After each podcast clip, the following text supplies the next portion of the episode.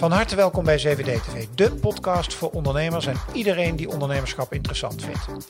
Mijn naam is Ronnie Overhoorn en op CVD TV ga ik in gesprek met ondernemers en dat doe ik twee keer per week. Elke dinsdag en elke donderdag vind je hier een nieuw gesprek. Volg ons om niks te missen en laat een beoordeling of review achter op jouw favoriete podcastkanaal. Ik hoor heel graag wat je van CVD TV vindt. Voor nu heel veel luisterplezier. Werk je als leider nu aan de oplossing of werk je aan het oplossend vermogen van het team? De doorbraak zit zelden in een nog betere oplossing. De doorbraak zit in de beleving van het probleem. We doen het in ons werk maar al te vaak. Zo snel mogelijk spannende vraagstukken omzetten in kant-en-klare oplossingen. Maar is dat nou wel zo slim? Daarover ga ik in gesprek. Welkom bij CVD TV. Welkom uh, heren. Uh, jullie schreven het boek uh, De Oplossingenmachine. Misschien goed om even mee te beginnen. Jullie hebben al wat meer boeken geschreven in het verleden. Ja, klopt. stel je even kort voor en wat je al gedaan hebt. Ja, Tom Verheggen. ik noem mezelf de ontmanager. En dat was ook gelijk mijn eerste boek, Ontmanager voor Managers. Elke dag werken aan je eigen overbodigheid. En, uh, nou, ik, daarna... Is dat het doel voor managers, ja? Ja, vind ik wel. Ja? En, en ik kwam er eigenlijk later achter dat dat het doel van elk beroep zou moeten zijn eigenlijk. Jezelf opheffen? Ja, nou, en daarna streven. En dan uh, ja, ja. gebeurt het uiteindelijk waarschijnlijk nooit. Nee. Maar het is wel uh, de manier waarop je het meeste toegevoegde waarde hebt. Dat, dat klinkt als een paradox. Ja, ja. Nou ja, ik zeg ook altijd van elke dag werken aan je eigen overbodigheid merk, maak je pas echt onmisbaar. Hè? Dus, dus het gaat erom, hoe zorg ik dat er bij de ander iets gebeurt waardoor ik minder hard uh, aan het werk ga en dat echt eigenaarschap op de juiste plek ligt. Uh, Wouter? Ja. ja. Wouter Hart. En uh, ik heb in 2012 het boek Verdraaide Organisaties geschreven. In 2017 Anders Vasthouden. Ja. En die hadden allebei als een soort onderligger het werken vanuit de bedoeling. Het werken vanuit de bedoeling? Ja. Leg eens uit. Nou ja, in die zin uh, heeft het parallellen met het, uh, de dynamiek die, uh, die Tom net schetst. Als je ehm, bijvoorbeeld trekt naar, naar de opvoeding toe, waarin dat werken aan je eigen overbodigheid natuurlijk ook een beetje een soort de rode draad is in alles wat je doet. Ja, ja. En uh, nou, dan vind ik het heel boeiend om te onderzoeken van ja, wat voor dynamieken spelen er dat je daar toch behoorlijk van wordt afgeleid. En daar hebben we in verdraaide organisaties en anders vasthouden. We zoomen dan iets meer in op wat er gebeurt in organisaties, waardoor we die bedoeling snel uit zicht raken. Ja. En in de oplossingmachine maken we die kleiner en hebben het niet meer zozeer over wat er gebeurt op organisatieniveau, maar veel meer wat jij en ik creëren in het klein, ja. in gedrag. Um, hebben jullie meer boeken al samengeschreven of is het het eerste boek samen? Het eerste boek echt samen, ja. uh, maar ik heb wel meegewerkt aan Anders Vasthouden. Uh, ja. In de vorm van uh, het, met name het, het artiesten tekenen? Ja, het illustreren en het sparren en het meedenken. Ja, ja. En, ja. Daar, ga ik, daar ga ik straks niet. Want het vind ik ook altijd leuk om het proces van boeken schrijven eens een beetje in te zoomen. Maar laten we eerst maar eens even naar de inhoud van het, van het boek gaan. Ehm, de, de oplossingenmachine. Wie kan hem het beste uitleggen wat dat ding is? Want ik denk dat iedereen hem herkent als je hem gaat beschrijven. Ja, ik denk dat die misschien wel het meest voelbaar is in een anekdote waar die voor mij ook wel een klein beetje begon. En dat is inmiddels al wel een jaar of, uh, of, of, ik geloof dat het elf jaar geleden is. Dat mijn, mijn zoontje destijds nou, tegen de twee jaar oud was. En dat ik met hem uh, een, een trap afliep in, in vakantie in Duitsland. Ik had zijn hand vast en ik had mijn hand heel hoog uh, en gespannen en, en gewoon vast. En hij hing daar als het ware aan en hij kwam zo'n beetje zo de trap af. En op een gegeven moment voelde ik van ja, maar dit is nou juist helemaal niet de bedoeling van waar het in de, in de opvoeding over gaat. En wat ik eigenlijk deed was dat ik mijn hand vervolgens uh, ontspannen uh, veel lager hield, zodat hij er eigenlijk niet meer de echte steun aan had. En wat hij eigenlijk gelijk deed was toch het houvast zoeken in mijn arm, maar toen hij dat niet kreeg toen richtte hij zich op de trap en hij zocht de balans in zichzelf en hij liep de trap af. Hmm. En hij had wel mijn hand nodig als steun. Mm-hmm. Maar wat ik daarvoor had gedaan, dat was natuurlijk enorm overdreven door de hele regie van hem af te pakken en het voor hem oplossen. En dat is, dat is in, de, in de kern wat jullie de oplossingmachine noemen. En als, ja. je, en als je het uh, als je het vertaalt naar een werkomgeving, kun je dat ook eens concreet maken? Nou ja, dat zit, zit in bijvoorbeeld een hele kleine ding. Hè. Dus, dus, dus we zien een probleem, voelen ja. spanning. Uh, nemen de regie over of geven hem af uh, en we bedenken de oplossing. Hè. Dus, dus ja, ik vind altijd wel een mooi klein voorbeeldje is dat, dat organisaties bedenken van... Goh, wat krijgt iemand nou cadeau als die jarig is? En dan zien ze dat er verschillen ontstaan. Dat de ene afdeling geeft een groot cadeau, de ander geeft helemaal niks. En dan denken ze, ja, dat is niet helemaal eerlijk. Dus dan voelen ze onzekerheid. Ja. En dan gaan ze naar de HR-afdeling en dan zeggen ze, goh, maar kunnen we dat niet regelen? En de HR-afdeling die bedenkt dan een attentieregeling en pakt dus eigenlijk de regie af, waardoor eigenlijk het hele oorspronkelijke idee van, goh, hoe gaan wij om met aandacht, Ja. eigenlijk helemaal verloren gaat en we het vastleggen in een oplossing of in een regeling. Of, hè, dus, die, dus zo gauw iemand de vraag stelt, dan bedenken we een algemene oplossing en dan hebben we de illusie dat daarmee het probleem werkelijk opgelost is. Maar, eh, En dat, is dus niet zo, want dat, dat is wat jullie... zo. De, Ja. de pijnpunten... Want wat zijn de bijwerkingen van die oplossinggmachine? Ja, en het, het- zijn er een heleboel, maar in, in het boek hebben we er vier Ja? eh, beschreven. Ja? Hè? En, en eh, een daarvan is dat er heel snel een gevoel van moeten ontstaat. Hè, dus dat zit soms ook, ik merkte ook in mijn tijd als leidinggevende, dan vroegen, vroegen mensen aan mij advies. Eh, en dan gaf ik een tip. En dan hoorde ik later van ja, dat moest van jou. Dus dus, dus ja. Ik, ik hielp, Ja. maar er ontstond toch een gevoel van moeten. En eh, het, het tweede bijeffect is dat het eigen kompas dan eigenlijk uitgaat. Hè? Dus dat, dat voorbeeld met die attentieregeling. Mensen gaan niet meer nadenken van wat maakt nou eh, aandacht goed en wat is een beetje redelijk bedrag of zo. Daar gaan we allemaal niet meer over nadenken. Dus wat staat er in de attentieregeling? Dus dat eigen kompas gaat uit. Je, je komt ook sneller tegenover elkaar te staan. Ja, er komt Dus- weerstand natuurlijk. weerstand en, en je moet iets doen met een oplossing die iemand anders bedacht heeft. Mhm. Dus dat, ja, dan ontstaat snel die tegenstelling. Eh, en, en het vierde is dat, dat het werkelijke vraagstuk eigenlijk uit beeld verdwijnt. Wordt niet eens behandeld eigenlijk. Nee, Nee. nee. dus we gaan op training of we volgen die regeling of weet Ja. ik het. Dus, dus we denken niet meer na wat nou eigenlijk ook weer dat vraagstuk was. Jij vertelt in jouw boek, vind ik, eh, of in jullie boek, het, eh, de, de, het eerste, eigenlijk de, in- de inleiding is natuurlijk ook een heel illustratief voorbeeld. Hè? Kun, je, kun je dat nog eens kort uitleggen? Want dat vind ik ook zo'n mooi beeldend voorbeeld. Geen werkvoorbeeld, maar over eh, het kindje dat naar school moet. Ik denk dat dat ook iedereen dat herkent. Kun je dat nog eens kort vertellen? Ja, het is, het is eigenlijk hetzelfde verhaaltje als wat ik net vertelde. Alleen Ja. nou juist ook, en daar zit ook een beetje de oorsprong in een, een meisje die langzamerhand ook wat ouder wordt en een eigen wil krijgt. Wat ik in het kort beschrijf is dat eh, in de ochtend, eh, in het begin of een tijd lang eigenlijk steeds meer merkt dat hoe meer de eigen wil van in dit geval mijn dochter gewoon ook groeide, hoe meer het in de ochtend soms ook een gevecht werd tussen dat wij haar om kwart voor acht uit bed wilden hebben Ja. en dat zij dan voor haar gevoel uit bed moest en met tegenzin van alles ging doen. Ja. En dat toen dat op een gegeven moment eigenlijk steeds nou ja, vervelender werd voor allebei de partijen, hebben we dat proces dus omgedraaid en gevraagd van vind je het nou eigenlijk belangrijk om op tijd op school te zijn? Je, hebt het, En- je bent het probleem gaan behandelen eigenlijk. Of ja, de- precies. Dus ja. even losweken van die kwart voor acht, hè, wat als Ja. het ware mijn goed bedoelde oplossing was. Ja, En toen dat gesprek weer op dat niveau terecht kwam, toen stonden we opeens naast elkaar. En toen want zij het wilde eigenlijk graag op tijd op school zijn. nou ja, er waren inderdaad wat haakjes waardoor die juffrouw zo streng wordt. Dan zou ze niet meer in een lievelingsboek eh, Ja. kunnen lezen. Ja. En hè, toen ik die anekdote eh, onlangs noemde in een ziekenhuis, toen, toen vertelde een gynaecoloog ook, oh, het is zo herkenbaar. En ze vertelde dat op een gegeven moment in een bepaalde periode merkte ze dat eigenlijk steeds vaker jonge vrouwen eh, een, een keizersnede wilden hebben.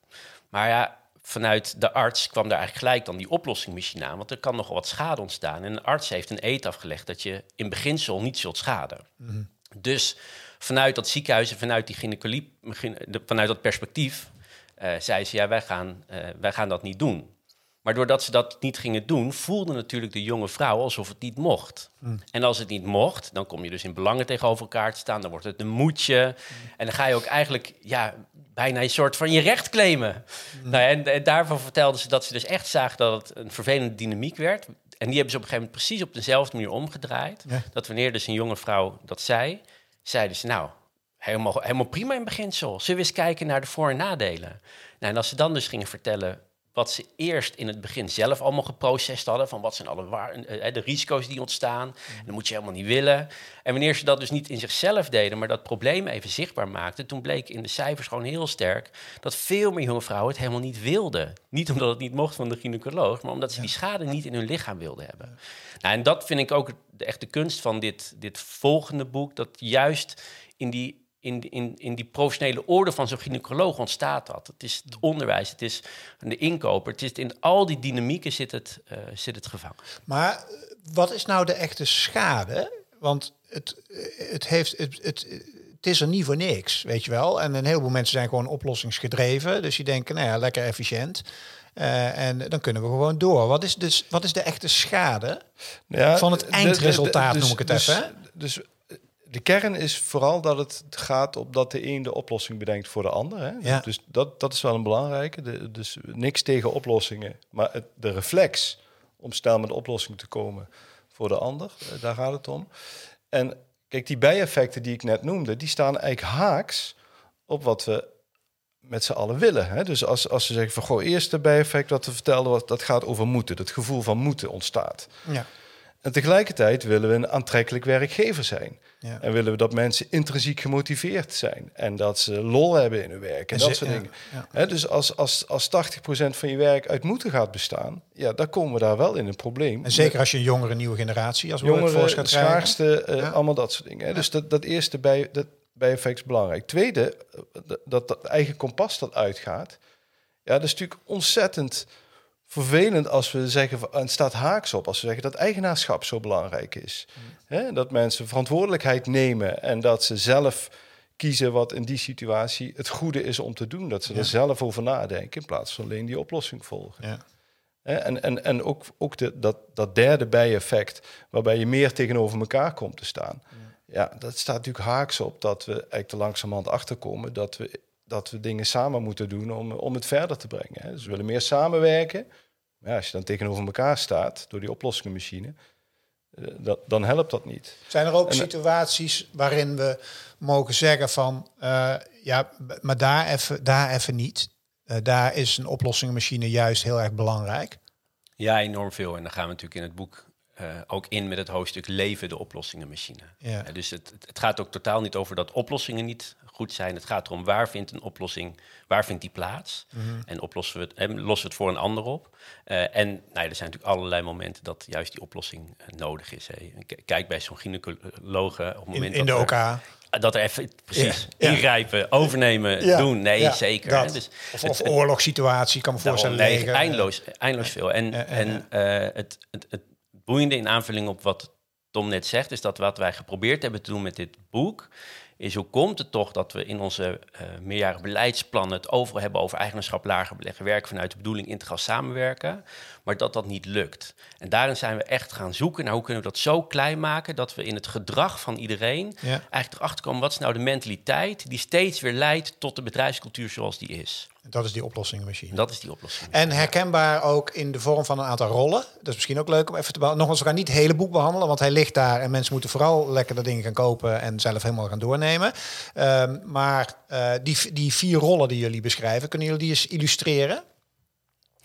Nou, als ik even in navolging op, op het verhaaltje net wat ik vertelde over dat, eh, dat, dat ochtendritueel bij ons thuis beginnen, dan, dan heb ik vanuit alle goede bedoelingen, denk ik, sterren te helpen. Ja.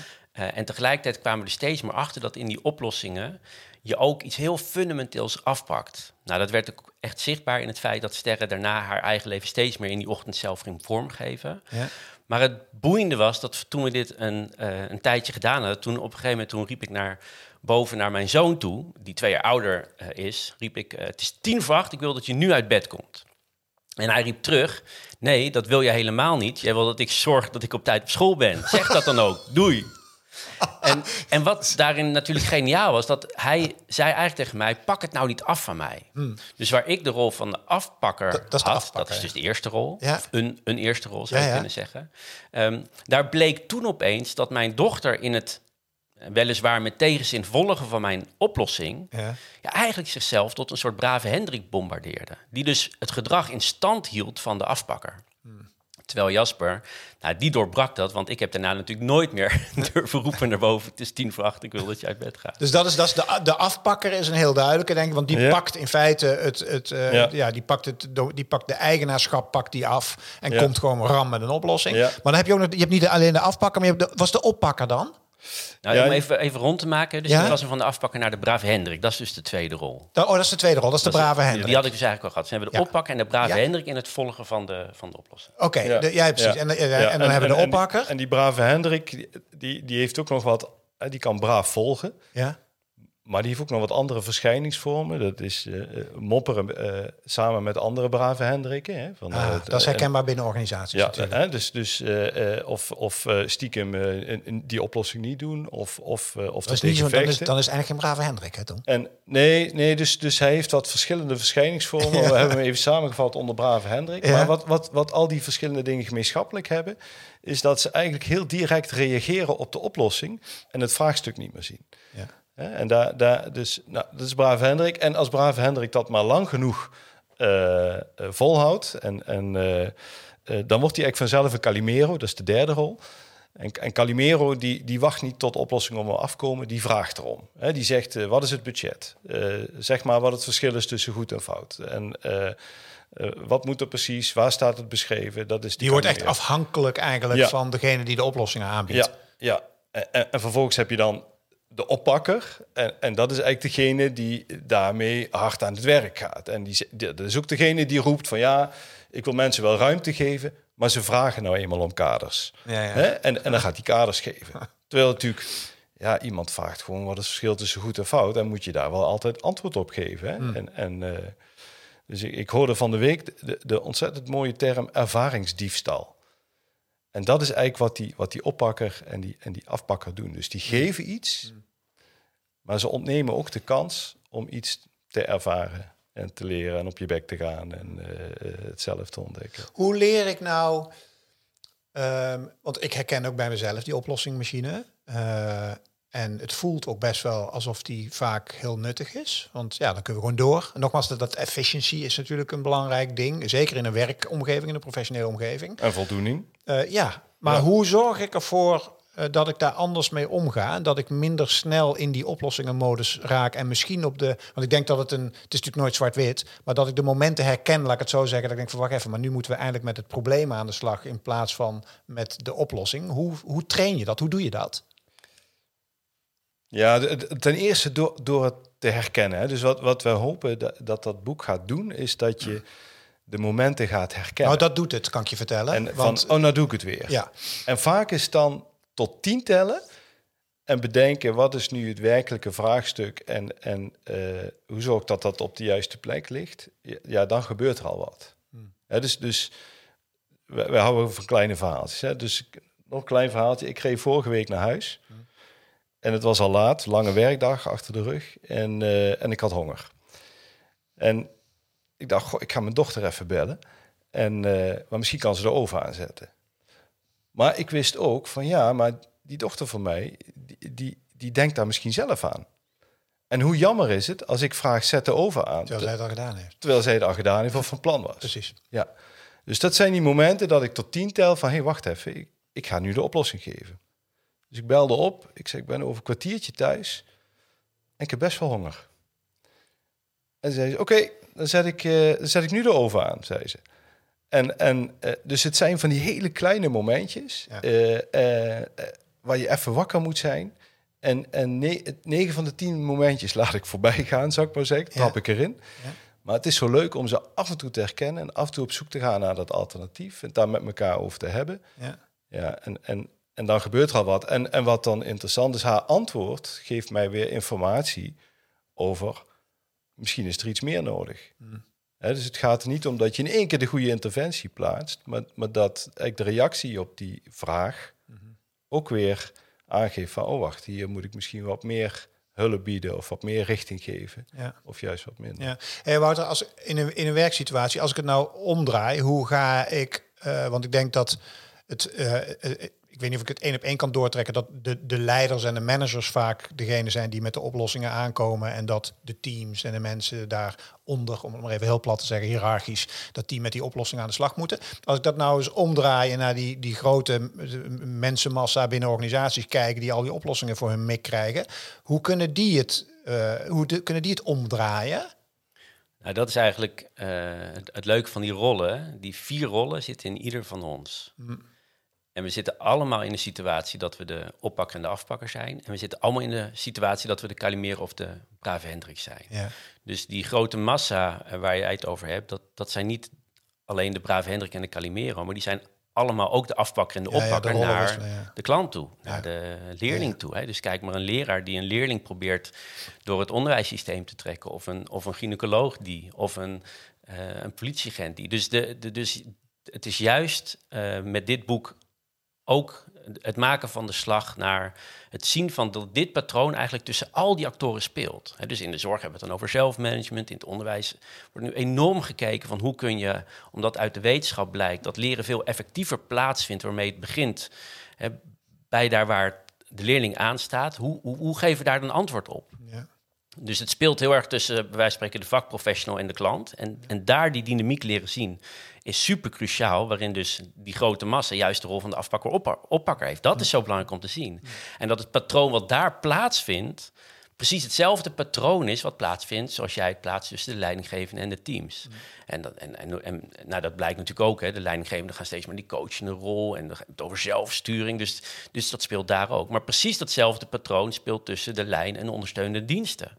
Waarbij de lijn vaak niet meer het gevoel heeft dat de ondersteunende dienst de ondersteunende dienst is, omdat nou ja, van spreken de onderste- de ondersteunende dienst ze aan de hand van de trap af probeert te sleuren. Ja, Zoals precies. misschien ook, Ja. eh, nou ja, kijk in het onderwijs, hoe nu bij wijze van spreken ehm, overal ervaren wordt. Want er is natuurlijk een hele spannende situatie dat eh, de, minister het hele onderwijsveld aan de hand probeert mee te sleuren, de crisis uit. Maar je sleurt ze alleen de crisis in. Ja. En, en even terugkomend op jouw vraag, want wat je eigenlijk doet is zeggen van wat we heel snel doen, is dat we dit bekijken vanuit het perspectief van de oppakker en de afpakker. Maar hoe zit het nou met die teams? Precies. Nou, en daarom gaf ik natuurlijk net ook al een klein beetje die anekdote met mijn zoon aan, die juist als brave Hendrik opstaat. Hè, We zeggen wel eens brave Hendrik. Hè, we zijn ook een beetje verbraafd als professionals. Dus we moeten ergens ook ontbraven. Ik weet niet of dat een bestaand woord is, Een maar we woord. moeten het wel Ja, doen. Hè? Ontbraven. Ja, en dan zegt Bob Dylan daar heel mooi over: To live outside the law, you must be honest. Dus als jij de oplossing op je afkrijgt, dan gaat het eigenlijk om, laat je nou niet gek maken door die oplossing. Maar ga op zoek naar wat is nou de eerlijkheid die mij legitimiteit geeft om, om iets anders te doen dan die oplossing mij voorschrijft. Nou, en dan is het soms belangrijk om even in gesprek te gaan. Met wat is nou de bedoeling achter die oplossing? Ja. En dus wij, als een soort hulpzinnetje voor de oppakker en de afpakker, we zeggen wel eens: geef niet de oplossing, maar geef het probleem zodat je niet niks doet, maar dat je eigenlijk ziet dat de, de doorbraak zit zelden in een nog betere oplossing. De doorbraak zit in de, in de beleving van het probleem. Dus hoe kun je het vraagstuk achter die oplossing delen? Ja. Dus, En in plaats, ja, dus in plaats van zet de oven aan, ik ben over een kwartiertje thuis en ik heb best wel honger. Ja, Dat- of dat in is- plaats van eh, zeggen dat iemand geen ehm keisnede mag hebben, Ja, precies. voelbaar maken wat de Ja. risico's zijn. Want daar zit gedragsverandering, in, in, in beleving van het probleem. Dus daar eh, heb je het over. Ja. En dus vanuit het andere perspectief, vanuit het perspectief van, van de brave Hendrik en de Calimero, ehm, gaat het dan dus over accepteer niet de oplossing, maar ga op zoek naar de zorg van de ander. En dus het vraagstuk wat daarachter schuil ging. Eh, En Tom, voor de, men- voor, de, voor de leiders die hier moeite mee hebben, die denken van, ik vind het allemaal heel interessant. En ik vind het heel boeiend, maar ehm, als jullie weten hoe druk ik het heb, eh, en ik heb nog zes besluiten te nemen vandaag, eh, dus ik moet, ik moet gewoon door. Ehm, kost dit meer tijd? Nou, in, in het begin misschien wel. Dus het vraagt ook even om, om die momenten te realiseren, op je handen te zitten. Maar uiteindelijk natuurlijk niet. Hè? Dus, dus wij, wij- gebruiken ook vaak het zinnetje van... Goh, ben je, wer- werk je als leider nu aan de oplossing... of het implementeren van de oplossing... of werk je aan het oplossend vermogen van het team? Ja. En je kunt je voorstellen dat, dat op korte termijn... is werken aan het oplossend vermogen... zie je niet direct het resultaat van... maar op lange termijn juist wel. Hè, dus het is ook investeren in dat oplossend vermogen. Ja. Ja, daar kun je wel steeds van zeggen, daar heb ik geen tijd voor. Maar misschien heb je er wel geen tijd voor, omdat je er nooit in investeert. Is een kwestie van prioriteiten stellen, zei mijn vader altijd. Ja, en, en ook, ook eh, niet zeggen van eh, morgen gaat het roer om. Nee, nee, Maar nee. meer, hoe doe ik dat morgen Ja, ietsje ja. anders dan gisteren? Ja. Ehm, wat, eh, wat kunnen mensen in het boek vinden? Want het is best wel, eh, het, is, het is meer dan eh, een x aantal hoofdstukjes met lappen tekst en we lezen het door van begin naar eind. Hè. Kunnen jullie vertellen wat ze in het boek kunnen vinden? Ja, het zijn heel veel praktijkvoorbeelden rondom eigenlijk de mechanismes die we laten zien en, en handreikingen om er zicht op te krijgen en om dus de alternatieve route te verkennen. We hebben opdrachten in het boek opgenomen, zodat je er ook zelf mee aan de gang kan gaan. Eh, en een van de eh, hoofdstukjes waar we het nog niet over gehad hebben, maar die wel heel erg belangrijk ook is, is het hoofdstukje niet te veel en wel genoeg. En dat gaat eigenlijk over die hand die ik nog steeds wel bij Ja. Jasper hield aan het begin. Ja, dus het is niet Dat loslaten. Nee, precies. Dat is de nuance eigenlijk. Ja, het is steeds kijken van wat heeft de ander nodig om ervoor te kunnen gaan staan. En ik denk dat het, eh, nou, wat wij terugkrijgen, is dat mensen zeggen, ja, het laat je niet meer los, weet je. De, Nee. de, de- in, in de periode na denk je, oep, daar is hij weer, Ja, oep, daar is ja. hij weer. oep, Maar eigenlijk moet je de oplossingenmachine dus niet weggooien. Maar je moet hem anders, je moet aan de knopjes leren draaien. Is, is dat een beetje. Ja, Ja. mooi gezegd. Ja, dus we Ja. zeggen in het begin hebben we het over een soort, staat hij nou aan of uit? En Ja. in de loop van het boek kom je erachter dat het vooral een soort volumeknop is die je Precies. harder kunt zetten, zachter kunt zetten, die Ja. soms heel functioneel is als hij hard staat, Ja. soms heel functioneel is als hij zacht staat. Ja, ja en misschien nog wel, wel doorgaand op je vraag. Hè, wat vind je allemaal? Dat, dat is voorbeelden, eh, beelden.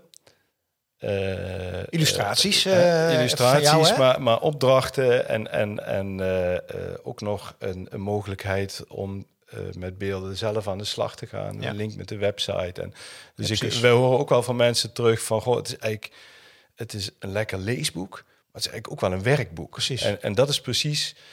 Dus we hebben ook ons heel erg zitten afvragen hoe maak je, hoe, ga je nou van lezen naar leren? Ja. Dus, dus, dus lezen is gewoon een mooi boek, je legt het weg en er gebeurt niks. Maar, maar je wil eigenlijk dat er Gedragsverandering na dat lezen dat er iets gebeurt in je en waar je, waar je ook blij van wordt en waar je omgeving blij van wordt. Nooit En- gedacht om ook trainingen te gaan geven? Of doen jullie dat überhaupt? Of hebben jullie zoiets van, nee, we zijn auteurs, we houden bij het boek? Nee, we geven veel lezingen, trainingen. eh, dus we, we- we- ja. Dus als er, neem even, Ja. weet, weet ik niet goed hoor. Dus dat is een open vraag voor mij. Maar dus stel, er zitten organisaties te kijken. En die zeggen van, hey, leuk dat boek. Maar we willen echt als organisatie dit gaan aanpakken. En dit echt gaan verbeteren. Kun, zijn jullie dan degene die dan trainingen en zo doen? Ja, maar, maar, maar ook daar werken we aan onze eigen overbodigheid. Hè? Dus, dus, dus we- gaan ook kijken wat is daar nodig, maar ook hoe, hoe kan het van binnenuit ontstaan. En, en, eh, eh, want want daar, ja, dat- ook, ook dat is heel belangrijk. Hè? Dus zo gauw wij van de bedoeling worden of zo. Hè? Ja, en Ja, ja. Je moet, kom weer eens langs, want het is weggezakt. Ja, dan is er Komt de, komt de, de, de, tur- niet. komt de turbo-oplossingenmachine op bezoek? ja, Dat weet-. Dat, weet- weet je eh, ook dat niet. wil je niet. Dat Nee, wil je niet. nee, Nee, nee. Mag ik jullie danken eh, voor dit gesprek en heel veel succes wensen met het, eh, eh, ja, nou, met het verkopen van het boek. Want dat is uiteindelijk hoe meer mensen het lezen, hoe beter toch? Ja, zeker. Ja. Ja. Dank jullie wel dat jullie mijn gast wilden zijn. En, Dank je en wel. dankjewel voor het kijken naar weer een gesprek uit de serie die ik maak met Managementboek en uitgeverij Boom. Waarin ik in gesprek ga met auteurs van prachtige managementboeken, zoals ook deze, De Oplossingen Machine. Dankjewel voor het luisteren naar deze podcast. Vond je het nou een leuk gesprek? Laat dan je beoordeling of review achter. En weet dat CVD-TV heel graag samenwerkt met ondernemers en bedrijven om mooie gesprekken te maken over ondernemerschap in de volle breedte. Wil je daar nou meer over weten? Kijk dan op www.partner7dtv.nl. En als laatste, vind je de podcast leuk, maar wil je heel graag de gezichten erbij zien? Weet dan dat CVD-TV ook als YouTube-kanaal beschikbaar is. Dankjewel voor het luisteren.